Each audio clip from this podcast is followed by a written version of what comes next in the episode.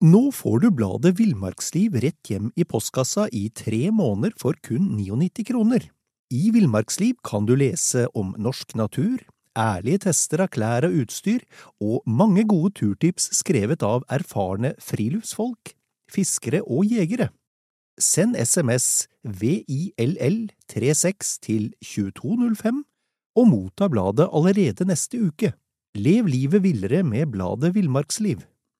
I'm Sandra, and I'm just the professional your small business was looking for. But you didn't hire me because you didn't use LinkedIn jobs. LinkedIn has professionals you can't find anywhere else, including those who aren't actively looking for a new job but might be open to the perfect role, like me. In a given month, over 70% of LinkedIn users don't visit other leading job sites. So if you're not looking on LinkedIn, you'll miss out on great candidates like Sandra. Start hiring professionals like a professional. Post your free job on linkedin.com/achieve slash achieve today.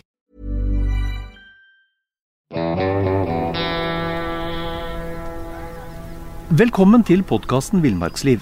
Mitt navn er Knut Brevik, og jeg er redaktør i bladene Villmarksliv, Jakt og Alt om fiske.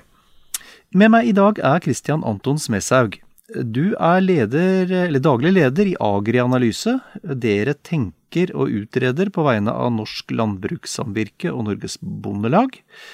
Du er også forfatter, jeger, fisker, friluftsmann, og, har en av Norges største samlinger av norsk jakt, fiske og friluftslitteratur. Dem skal vi snakke litt mer om seinere, Kristian Anton. Men aller først. Det er, det er krig i Ukraina som for sikkerhets skyld også er, er Europas kornkammer, eller et av de viktige. Um, Hva, hva skjer i Norge hvis importen av ulike matvarer stopper helt opp? Jo, takk, takk for invitasjonen her. I, altså, I Norge så har vi jo ca. en 40% selvforsyningsgrad er regnet på energinivå, eh, og det er jo det som er interessant. Dette regnes ikke i tonn eller eh, i, liksom desimeter eh, volum, det regnes i, på, i kilohjul. Og med det importbehovet så er det jo klart at vi trenger å få inn sukker, vi trenger å få inn fett, planteoljer primært, vi trenger en god del korn, og vi importerer mye kornbakevarer direkte. Og og uh, frukt, uh, grønnsaker, uh, bær. Så det meste, satt på spissen da, det meste av planteproduktene er vi importører av. Det meste av husdyrproduktene produserer vi faktisk sjøl, men, men der trenger vi en ca. halvparten av kraftfôrråvarene. Så vi er avhengig av et fungerende internasjonalt handelssystem. Nå får vi i utgangspunktet egentlig ingenting fra Ukraina og dette området, så sånn sett så er ikke det isolert sett kritisk. Men den knappheten som dette er i ferd med å gi på verdensmarkedet, eh, nå senest på planteoljer, som kanskje er det tydeligste, og som kan komme på hvete hvis vi får en dårlig, et dårlig år og India og Australia ikke greier å fylle rommet som de er en viss grad i ferd med. Så vil dette merkes på priser, og det som er frykten er jo selvfølgelig at at høye prisnivåer går over i regulert eksport fra de landene som har igjen, som da vil bruke den eksporten strategisk. Og det vil skje på et tidspunkt hvis det blir for knapt. Det er da mer å håpe at vi ikke kommer dit, men eh, for oss så er konklusjonen den at eh, med over 50% av kaloriene i i importdelen, så, så er vi helt avhengig av denne verdenshandelen, og vi har PT ikke noe eh, matlager som kan demme opp for dette. Men vi har jo en aktiv bondestand som selvfølgelig vil produsere maks så langt eh, det er mulig i løpet av året, men eh, det er vel det vi har å hjelpe oss med sånn som det er nå. Ja, for, når, du sier, når du sier eh, regulert eksport, det betyr vel i praksis at de har mer eh, behov for frukten sin, for kornet sitt, for råvarene sine, eh, eh, enn at de Altså, de, de, de, trenger det sjøl, rett og slett. Ja, de vil gjerne holde prisene nede, ikke sant. Og så kan det være at de kunne tålt litt høyere priser, for det er jo på en måte pris er jo en rasjoneringsmekanisme for å få vekk etterspørsel. Det vil si at folk spiser mer opp, de spiser enklere produkter, og, noen vil jo da dessverre kanskje spise under det som er nødvendig også. Men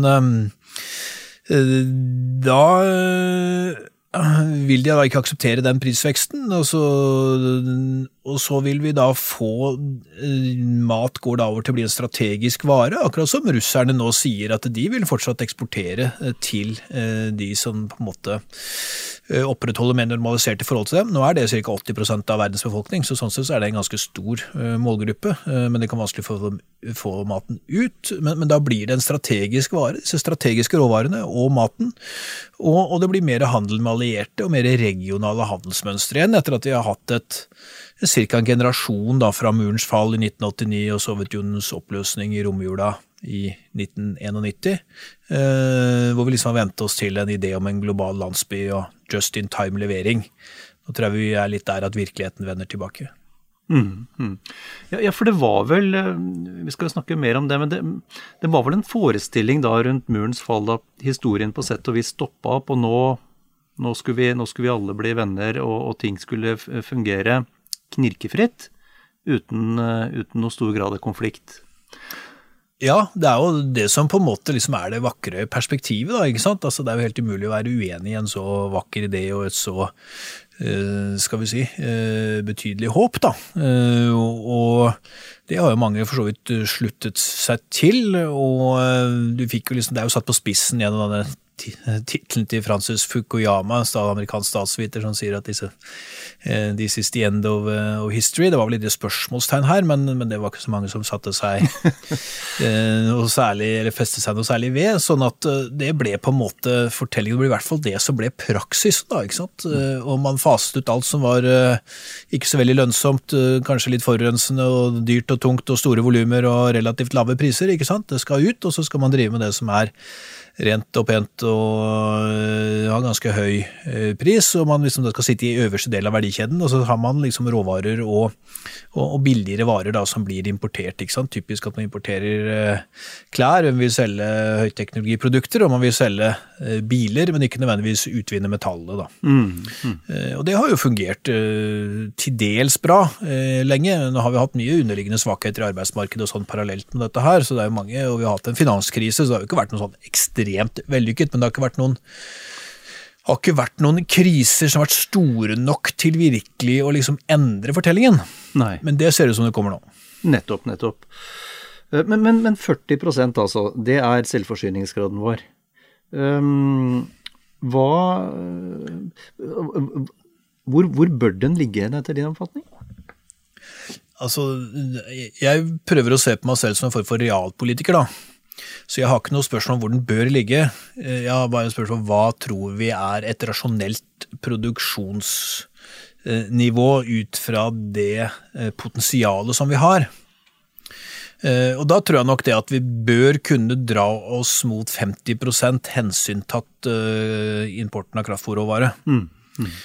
Vanskelig å se for seg at den kan bli noe særlig høyere enn det, tror jeg, fordi at som sagt, altså vi produserer ikke sukker og planteoljer. Allerede der så ryker det ut 25 mm. uh, og, det er klart vi vil nok Vi importerer nå av kornvarer totalt sett, da, importert bake-off og alt, så importerer vi jo nesten uh, to tredjedeler av alle kornvarer. Så la oss si at det gått ned til å importere en tredjedel, da. Så vi vil likevel importere fort, kanskje, i og med ikke 50% av grønnsakene, importert kanskje ja, en tredjedel av grønnsakene. Mm, mm. Og vi importerer vel 98 eh, av frukten og, og 70 av bærene. Mm. Eh, og eh, noe, eh, noe, ost og, og litt grann kjøtt, men, men slags på, på planteproduktene. Men, men, hvis vi fikk økt med 10% så er jo det 10 prosentpoeng, så er det ganske bra. Og det er nok mulighet for, men det krever en langsiktig plan, og du må produsere bedre grovfòr, litt mindre kraftfôr til, eh, til røvtyggerne, eh, enda bedre gras, vi må spise mer norske grønnsaker. ikke sant? Det betyr jo stort sett rotgrønnsaker i større omfang. Satse mer på epler og norske pærer og sånn, men dette tar tid å bygge opp, ikke sant? og det er en lang, litt langsiktig prosess. og Det er det som er med jordbruket, altså du bør ikke rote det til, da, for det tar lang tid å ordne det. Mm. Og hvis du, hvis du, ønsker deg en uh, ny melkeku, da, og tenker på det i dag, så er det tre år til den begynner å melke. Mm. Fra inseminering og og oppvekst. Så uh, dette er ting som, uh, som, må ha et langsiktig perspektiv. og det er Derfor det er utviklet en ganske offensiv jordbrukspolitikk, man har jordbruksoppgjøret osv. Så videre, sånn at det skal være mulig å ha en langsiktig plan for bøndene som er tilstrekkelig finansiert. da. Og Så kommer jo spørsmålet opp om det er tilstrekkelig finansiert, og det skal man jo si mye om. Mm. Eh, og det vil jo komme da til eh, skal vi si, tydelig debatt nå, da, når Bondelaget legger fram sitt eh, Bondelag og Småbruklaget legger fram et felles jordbrukskrav nå til staten, og på onsdag faktisk, så mm. det er jo god timing på dette her. Ja. og Så skal staten svare ut det i utgangspunktet i, i, tidlig i mai, og skal være ferdig til 17. mai. da. Ja. Ja. Nei, fordi, eh, Bare for å gripe fatt i noe du sa, for det er jo ikke noe tvil om at vi er jo, eh, vi er jo alle avhengige av hverandre på, på handelsområdet, men spørsmålet her er vel egentlig hvor lite forberedt kan vi tillate oss å være på, på, på ekstraordinære situasjoner eller krisesituasjoner? Nei, altså Der er vi jo godt vant etter hvert, da, med å være dårlig forberedt. Altså, det var jo ikke, var jo ikke noen sånne store forberedelser på en finanskrise, som jo mange, eller mange i hvert fall en del hadde for så vidt vært tydelig på. Eh, vi har en migrasjonskrise òg, hvor man slet med å håndtere effektivt, kan du si. Koronakrisen er kanskje den mest tydelige. så Da så man at man verken hadde smittevernutstyr eller eh, medisinsk, skråstrek medisinsk eh, ekstraberedskap. Så mm.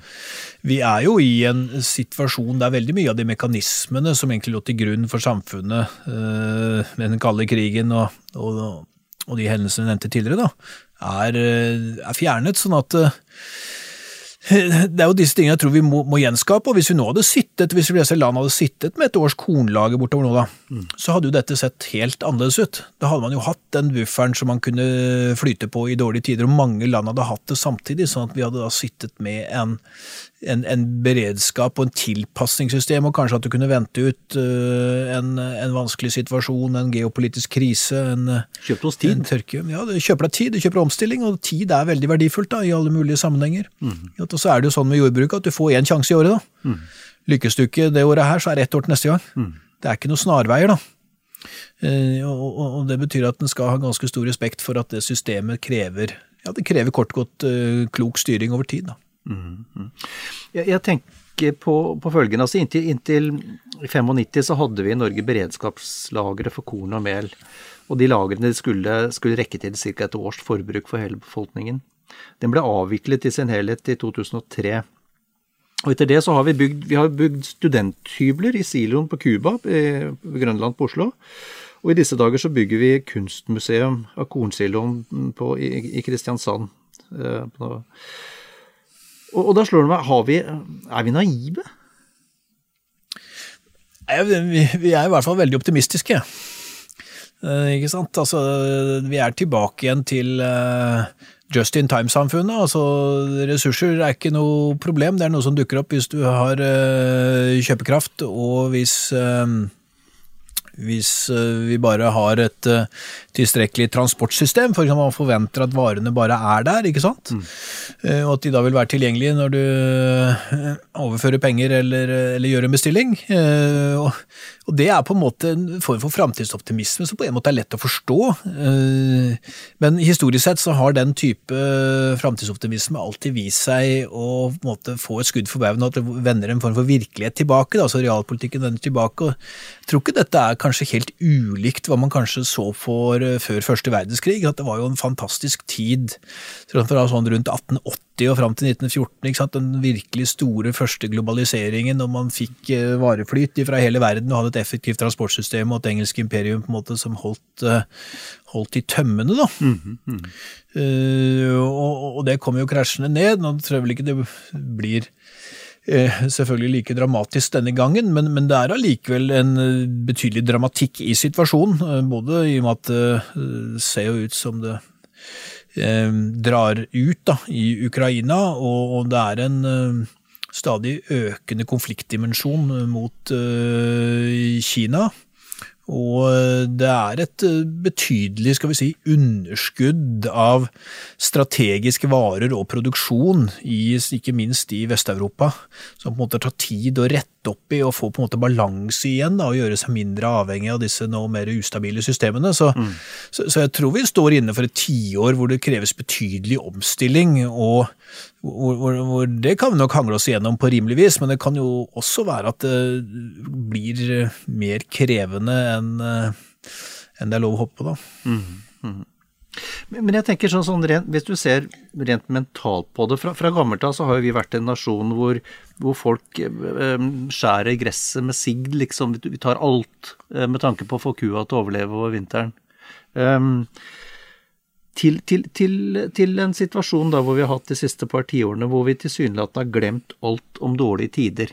Glemt alt om å være forberedt. Altså, hva er det som, hva, kan du reflektere litt over det? Hva er det som skjer i sånne situasjoner? Noe som heter at du skal ha god rygg til for å tåle gode tider. Mm.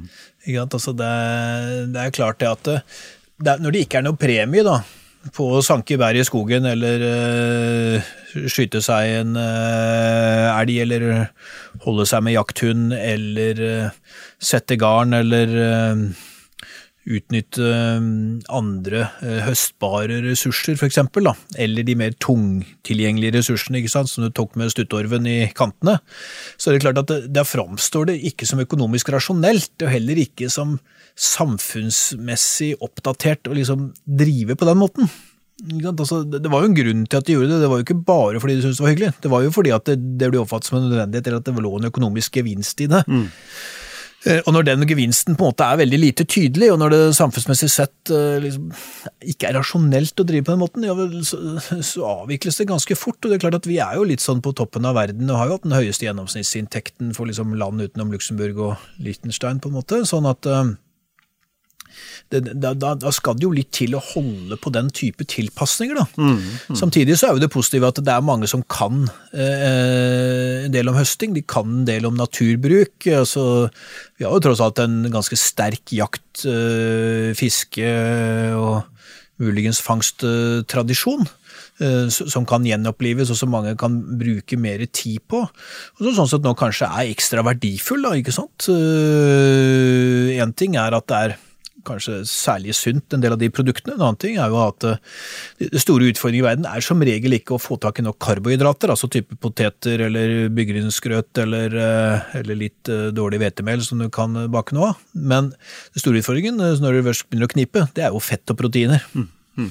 Og Det er ofte det som har vært knytta til høsting, da. altså enten det er fisk eller, eller vilt. Mm. Mm. Og, og, så har det kanskje vært særlig næringsstoffer knytta til bær osv. Vi kjenner jo alle liksom at Fridtjof Nansen og Fram-ekspedisjonen, grunnen til at de greide seg bra uten skjørbuk, var jo at de hadde jo med seg tønnevis med molter og skogsbær, og uten at de kanskje visste akkurat årsaken, så hadde de vel en idé om at eh, de som ikke gikk tom for den, de greide seg også ganske bra. De registrerte at de ikke ble syke, i hvert fall. Nettopp. Eh, sånn at det er noen, eh, det er noen kvaliteter i disse tradisjonene, og for så vidt produktene, som det er verdt å merke seg. Og jeg tror det at utnyttelse av dette og forståelsen av et, å utnytte et variert ressursgrunnlag, da, og ikke minst vårt eget ressursgrunnlag, det har en stor langsiktig verdi. og i et uh, lands og et uh, nasjons historie så går ting i, bølger, og da er det viktig at man har tatt vare på mye av den tradisjonelle kunnskapen, og at hvert land uh, tror jeg enda tydeligere må utnytte sine naturgitte forhold for matproduksjon og, og høsting da, innenfor bærekraftige rammer, det tror jeg er jeg tror liksom over tid er en liksom livsforutsetning sånn totalt sett. Mm, mm. Ja, for vi har jo like etter krigen, og også i mellomkrigstida, så satt, ble det jo satt opp egne bærtog ut fra, ut fra de store byene uh, for å frakte bybefolkningen ut, slik at de kunne plukke seg bær. Og, så, og i, i, dag så er det jo de færreste som plukker bær. Eh, man, vi kjøper det. Vi kjøper bær i butikken. De plukkes i Baltikum, eller plukkes av baltere. Um, så, så, jeg tenker, er dette en Kan den krisen vi nå er inne i, eh, også være en eller annen slags sånn mental oppvåkning i forhold til hva vi har av ressurser? Uutnytta ressurser? Ja, jeg tror nok det. og at Akkurat som koronaen var jo en litt sånn oppvåkning av eh, å bruke nærområder og øke friluftslivsaktiviteten og på en måte se de kvalitetene som, eh, som, vårt land har, da, og de er jo betydelige. Mm. Eh, både friluftsmessig og i forhold til høstingsmuligheter. ikke sant? Der Danmark har veldig god produktivitet på jorda, men mm. begrensa mulighet for høsting, så har vi mindre produktivitet, men vi har større muligheter for høsting. Mm. mm. og, og, det tror jeg vi må verdsette, og det tror jeg kommer til å bli eh, revitalisert. da, I hvilket omfang, uh, skal jeg jo ikke ha sagt, men, men ut ifra en betydelig vekst fra i dag, det føler jeg meg ganske sikker på. og Det er det ja, gode argumenter for. Og så tror jeg en skal huske at igjen, altså akkurat som konjunkturer og politikk går i bølger, så går jo denne type ting også i bølger. Og, og vi da vil komme tilbake igjen til en forståelse av at ja, de ressursene vi har, er liksom vår forpliktelse til å utnytte, enten det er til systematisk landbruksproduksjon eller det er til høsting, og det går an å få uh, mye glede ved det. Og det er jo ikke så mye som skal til et godt bærår å plukke seg en uh, 20-30-40 liter tyttebær eller blåbær, som jo kan ha betydelig som påvirkning om, om, mange gjør det.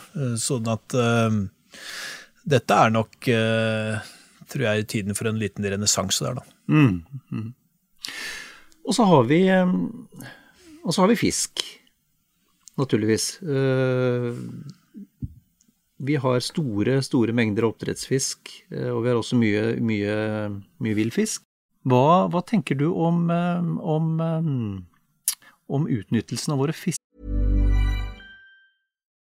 Nå får du bladet Villmarksliv rett hjem i postkassa i tre måneder for kun 99 kroner. I Villmarksliv kan du lese om norsk natur, ærlige tester av klær og utstyr, og mange gode turtips skrevet av erfarne friluftsfolk, fiskere og jegere. Send SMS VILL36 til 2205 og motta bladet allerede neste uke. Lev livet villere med bladet Villmarksliv. I'm Sandra, and I'm just the professional your small business was looking for. But you didn't hire me because you didn't use LinkedIn jobs. LinkedIn has professionals you can't find anywhere else, including those who aren't actively looking for a new job but might be open to the perfect role, like me. In a given month, over 70% of LinkedIn users don't visit other leading job sites. So if you're not looking on LinkedIn, you'll miss out on great candidates like Sandra. Start hiring professionals like a professional. Post your free job on linkedin.com slash achieve today. Ressurser fremover, altså Vi kan jo ikke bare leve av fisk, eller vi kan vel strengt tatt nesten bare leve av fisk. Det blir jo litt, eh, blir jo litt uh, kjedelig etter hvert, men, uh, men vi kan jo leve godt av den fisken vi har i dag. Vi kan i hvert fall øke forbruket betydelig. altså Vi ligger på 1-2 energiprosent fra fisk i kosthold i dag. Eh, under krigen så beregnet de vel at man eh, kunne gå opp til rundt 9-10 energiprosent. Eh, altså da fordelte de det på halvparten mager og halvparten fet fisk, da, ikke sant? type mm. makrell, sild versus torsk. da. Og i dag har vi jo selvfølgelig en god del fet, enda mer fetfisk i laksen, men la oss si en 10-12 prosentpoeng da, hvis du virkelig kliner til. Men det er, at fisk er ikke så veldig anvendelig. ikke sant? Fiskemel og hvetemel har vesentlig forskjellig karakter. og det er eh, en del begrensninger her, men på den annen side så har jo fisk mye protein, og som nevnt i stad, så er protein ofte en uh, kritisk vare uh, hvis du først begynner å knipe litt på matforsyningen. Sånn mm. at det er jo veldig verdifullt for oss og verdifullt å vite, og vi har jo mye villfisk òg som svømmer og kommer gratis, eller ikke gratis, men de kommer i hvert fall de, de kommer i hvert fall gratis opp til høstemoden alder, og så kan de jo tas inn i ulik grad, sånn at vi har en veldig stor uh, ressurspotensial der. og på nasjonalt nivå så får vi håpe og tro at vi ikke kommer dit at det blir avgjørende, men jeg tror at det på personlig nivå så vil det revitaliseres. Så fisker vi kysten, og så fisker vi i innlandet. Og det er klart det er utrolig mange vann som hadde trengt mye hardere fisking mm. for å få opp bestandene. vi vet jo de vannene hvor det er til dels yrkesfiske, de har en helt annen kvalitet og størrelse på fisken enn der det er lite fiske. Så hvis du kunne fått revitalisert det, så hadde det mm. vært gunstig. Men jeg tror også da kanskje vi måtte sett på litt muligheten for motorisert å komme seg fram til noen av de vannene. For det er ikke lett å drive med dette fra, på ryggsekknivå, altså. Mm. Mm. Så, så, personlig så er jeg jo litt sånn at uh, ja, hvorfor kunne man ikke være mer raus med bruk av sjøfly og andre ting som har liten påvirkning? Eh, for å rett og slett få utnyttet disse ressursene mm. Eh, og, og, og, få opp eh, snittstørrelser, i hvert fall særlig på større vann i innlandet. Da. Men, men, fisk er fryktelig viktig, og det er en helt unik ressurs for Norge, selvfølgelig. Det er vel lite crux selvfølgelig at oppdrettsfisken er jo 90% avhengig av fôrimport, og det er jo særlig planteoljer den spiser, da, altså mm. raps og soya. Eh, produkter, eh, pluss da en del eh, korn, men særlig fett og, fett og proteinrik planteprodukter som er utgangspunktet. Og det betyr jo at det blir jo hvis du liksom skulle komme over på de mer dystre scenarioene, så vil jo det bli fryktelig dyrt fort. Men nå er jo laksen ganske effektiv til å konvertere den, uten at det blir veldig store, store energitap. Så, sånn sett så, så, så, er det jo en viss rasjonalitet i det likevel. Mm, mm.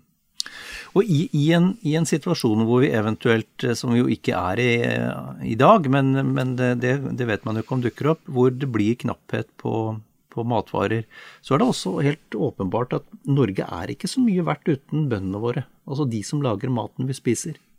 Det er strengt tatt de som gir oss den sikkerheten. Ja, det er klart at Hele forutsetningen for, resten, for samfunnet er jo at de 1-2 eh, prosentene som produserer mat eh, til de øvrige 98, mm.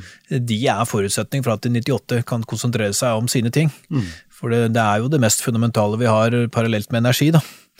Og eh, Derfor så er det en relativt liten kostnad, da, sånn som vi gjør nå. Nå har vi vel 1,1% av statsbudsjettet som går til landbruket. Om det skulle heves noen promille, så er det en ganske liten kostnad i forhold til at resten av samfunnet skal kunne fungere relativt uh, uproblematisk. Uh, og, det er jo noe av den unike velferdshistorien, egentlig, da, de siste hundre årene. Det er jo det at fra før første verdenskrig så brukte halvparten av befolkningen halvparten av krona si til å betale, kjøpe mat fra den andre halvparten. Mm, mm. Og nå bruker 98 uh, 10-12% for å kjøpe mat fra 2 mm. eh, Og det er, eh, det er, en verdifull del eh, som alle på en måte tror jeg verdsetter, men det, det er ikke sikkert at det der kan presses noe særlig lenger nå. altså Nå må man på en måte sikre seg at dette kommer til å virke videre, og da tror jeg at man må snu litt på den ideen om at denne prisen skal falle til evig tid, for uh, dette går i bølger, og nå er konjunkturene litt annerledes. Ja, og Så snakker vi om en, en endring i energisituasjonen på, på, relativt kort tid, hvor, hvor, bønder i likhet med andre opplever strømregninger som er både tre og fire og fem ganger så høye som de var. Um, hva skal vi gjøre for at, for at de som, som, gir oss denne matvaresikkerheten, hva skal vi gjøre for at de skal evne å fortsette?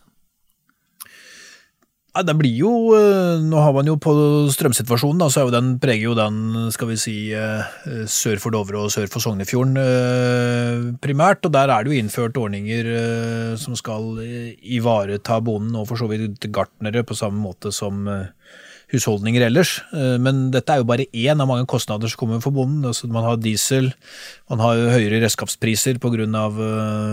jern og metall delvis mangel, delvis eh, stor prisvekst. Eh, det er eh, Hele fòrsituasjonen er høyere, byggevarekostnaden stiger. Det som er utgangspunktet for jordbruket, at det er jo ikke den kostnad som ikke kommer inn i jordbruket. Mm.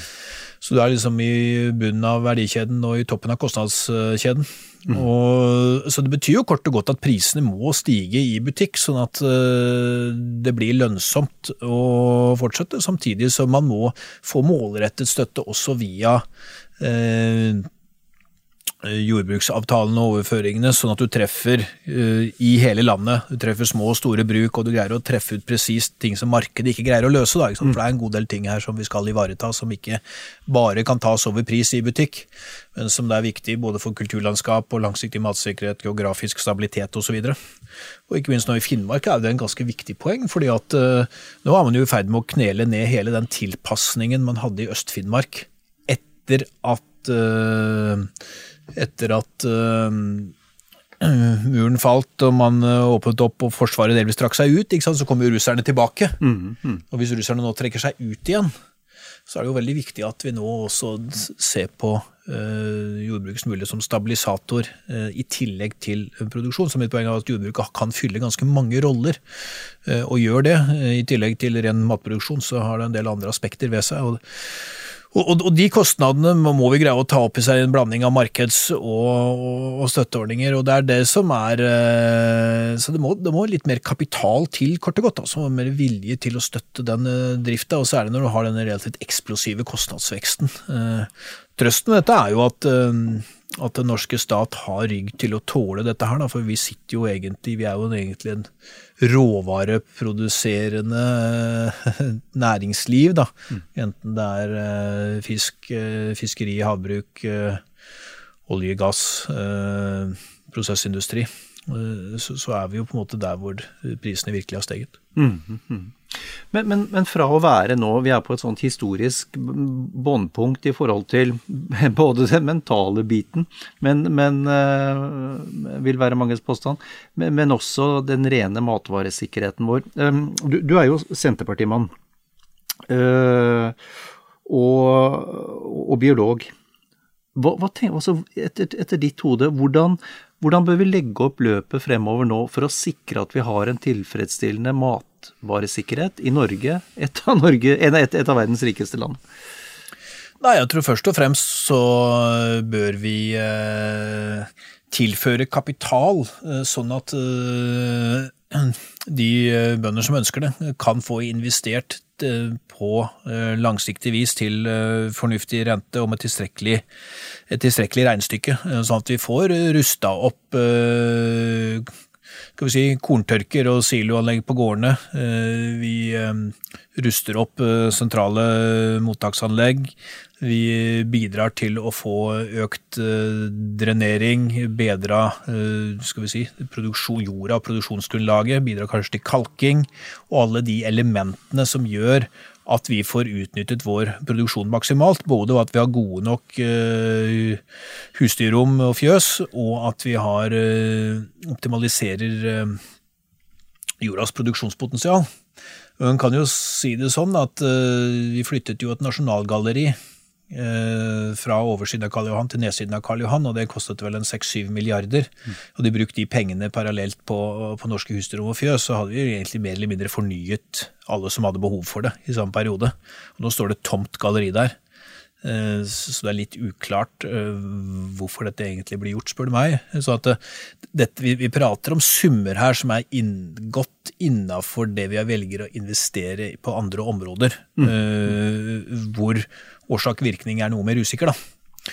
For å si det sånn, så jeg tror det er det viktige. Og så må vi sikre den løpende lønnsomheten, og det betyr at det må vesentlig prisvekst til uh, for bondens produkter, altså for uh, melk, uh, kjøtt, egg, korn, eh, frukt, grønt, eh, for å, for å, sikre den langsiktige produksjonen. Og det er det som var inne på. Dette er, dette er ting som ikke bør falle mye, for det tar lang tid å, å få det i gang igjen. Eh, og ikke minst holde husdyrbestandene oppe. Da. Så du har nok antall mordyr. Hele systemet hviler jo på ja, 900 000, 1 million søyer, 220 000 melkekyr, som er de som gir kalver. 120 000 ammekyr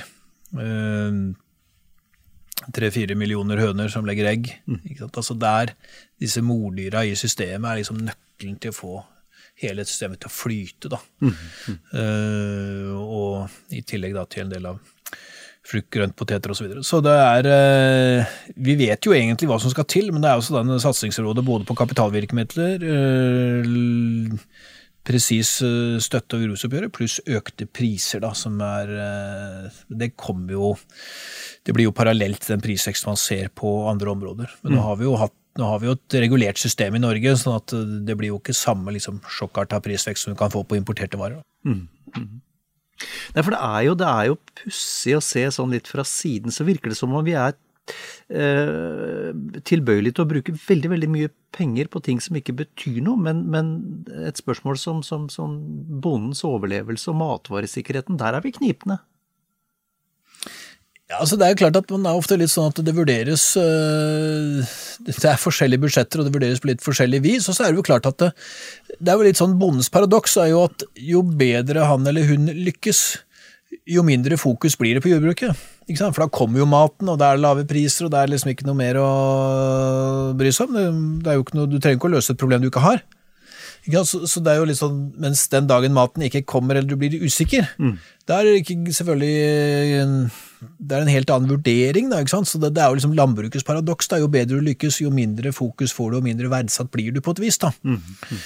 Uh, og det tror jeg er Det er på en måte menneskelig, men det er uh, det er ganske uheldig, da, sånn at uh, hvis vi liksom kan ta litt lærdom av det, og jeg tror det er det som gjorde at det var kanskje sånn sett Eh, i hvert fall sånn på matvarelagersida, og en del sånn ah, litt annen stabilitet da før murens fall, for da hadde du jo også mange av de som hadde vært med under krigen og sett litt hva mangel var for noe, Og det, og det, var jo ikke bare de fem årene, det var ganske knapt helt etter Koreakrigen og sånn også, så du hadde jo så hadde du 30-tallet før det, så at det var litt sånn at det, folk satt med ganske dyrkjøpte erfaringer, og de var ikke villige til å ta sjansen en gang til. Det var en sånn kollektiv bevissthet? Kollektiv bevissthet og kollektiv erfaring, da over lang tid, og den er jo ikke der lenger. og Den er så borte. Man har ideen om en ny tid, og mennesker, jeg tror historien går, den går nesten i sirkler ikke på en del områder. og Nå må vi gjenskape noe av det, og, og få på en måte en, en, større stabilitet. og Da kan vi kanskje lære litt av finnene, ikke sant. Altså, hadde på øh, var med i FAU på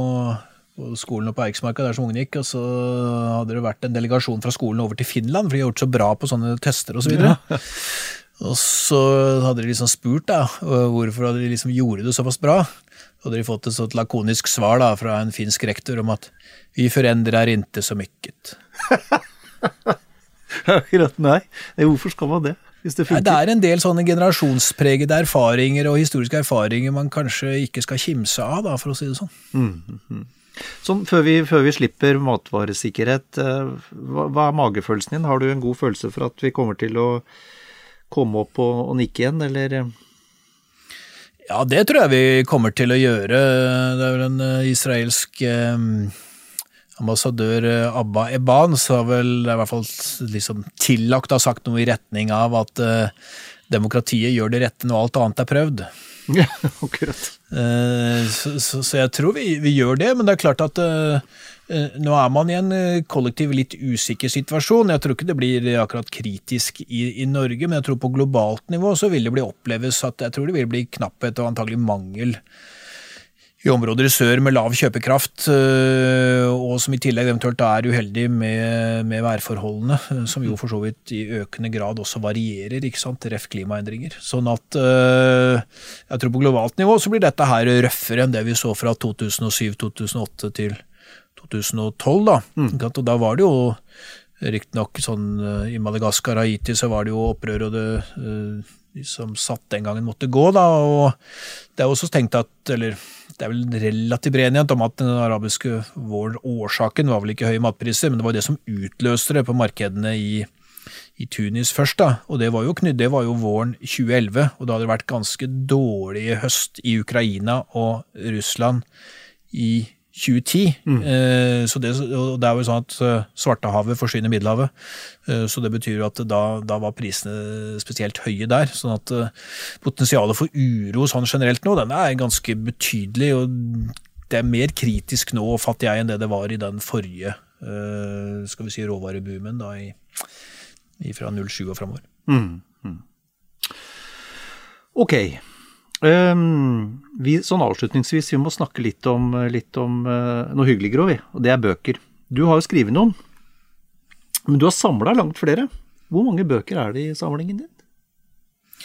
Nei, Hvis du tenker på det som går på, som jeg ser på som liksom norsk jakt og fiske uh, før 1980, så det er jo ikke sånn enormt med bøker der, men kanskje det er en uh, eh, 500-600 ja, ja. som går på det. Og så har jeg jo en del på andre områder, så det er vel ikke, det er vel ikke sånn enorm samling? Et par tusen bind, kanskje? Ja, ja. Hvordan starta, hvordan starta samlinga di? Nei, jeg er jo som mange andre som ble inspirert av en far som uh, dro med fra tidlig alder og begynte å sørne på ting. Han var så opptatt av krigshistorie og og fra liksom norske hærs opprettelse i 1628 og framover, og, eh, og, så jakt og fiske. da, Så ble vel jeg kanskje litt mer eh, interessert i jakt og fiske enn i liksom den i krigshistorien, selv om jeg har jo betydelig interesse for det, men det var litt annen, eh, litt annen fordeling. Mm. Og så kommer vel det derfra. Det, det, er ikke helt av seg selv, men man får vel takke en ivrig far, da. men, men, men, jeg tenker, hva, hva anser du selv som juvelen i samlingen din? Hvis du tenker på litt sånn norsk eh, jaktefiske, så syns jeg har en veldig fin eh, Robert Hutchinson om fluefiskeriets anvendelse fra 1839 med for- og bakomslag, som det heter i, eh, i språket. Som, eh, den er jeg veldig eh, glad i. Og den er jo ikke sånn hypersjelden, men den er jo definitivt uvanlig, og særlig såpass intakt. da. Mm. Så den syns jeg er morsom. Eh, altså jeg, har, eh, jeg, har, eh, ikke mange bøker, jeg har noen, men jeg har én bok som, som jeg syns er fantastisk morsom. Den ler jeg alltid like godt av når jeg leser, og det er 'Jeger og fiskeliv' av, av Huitfeldt. Ja, Fritz Huitfeldt, ja. Ja, med, med en egen kokebok for tjenestepiker. For man skulle jo nødig, nødig overlate ting til tilfeldighetene der. Nei, dette var jo tiden før første verdenskrig, da, vet du, hvor ting så litt lyst ut, som jeg var inne på i stad. Hva, hva syns du er den, er den eh, beste boka skrevet eh, om jakt og fiske og friluftsliv i, i Norge? Såpass, ja. Nei, jeg, jeg, det er jo en god del gode kandidater, men en ting som, som jeg syns er eh, ganske svart mye gode jakthistorie. det er en som ble til Blant kronede hoder av Olaf Olafsen, som går på storviltjakt i Østerdalen. Den syns jeg jo er fin, og så hadde jeg jo som ung mye glede av to bøker om harejakt. Jens Pai, en gammel eh, harejegers erindringer. Ja, ja. Og så Jaktprat og bikkjeprat av Otto Dahl. Det var eh, entusiaster med betydelig glede av å høre losen klinge i, eh, i lien, for å si det sånn. Eh, så det er vel det liksom jeg eh, vil trekke fram. Jeg tror dette henger veldig nøye sammen med hva slags eh, jakt du kanskje har vokst opp med, og hva du begynte med, og hvilke du leste først. da. ja, ja, ja. ja for, for du er ikke noe grunn til å legge skjul på at du er ivrig jeger og fisker? Ja, eh, stadig kanskje noe ivrigere jeger enn fisker, for så vidt, men det er jo mer tidsmessig enn andre årsaker. Eh, Så, eh, så jeg er jo glad i, eh, i jakt eh, på kanskje særlig rådyr, men med løs på drevet, halsende hund. Det tenker jeg liksom er det ultimate, da. Ja. Og da stiller du med egen hund, eller? Da stiller vi med en mer eller mindre veldressert beagle, ja. ja. Um, Kristian Antons Messaug, tusen takk for en hyggelig prat. Jo, takk i like måte.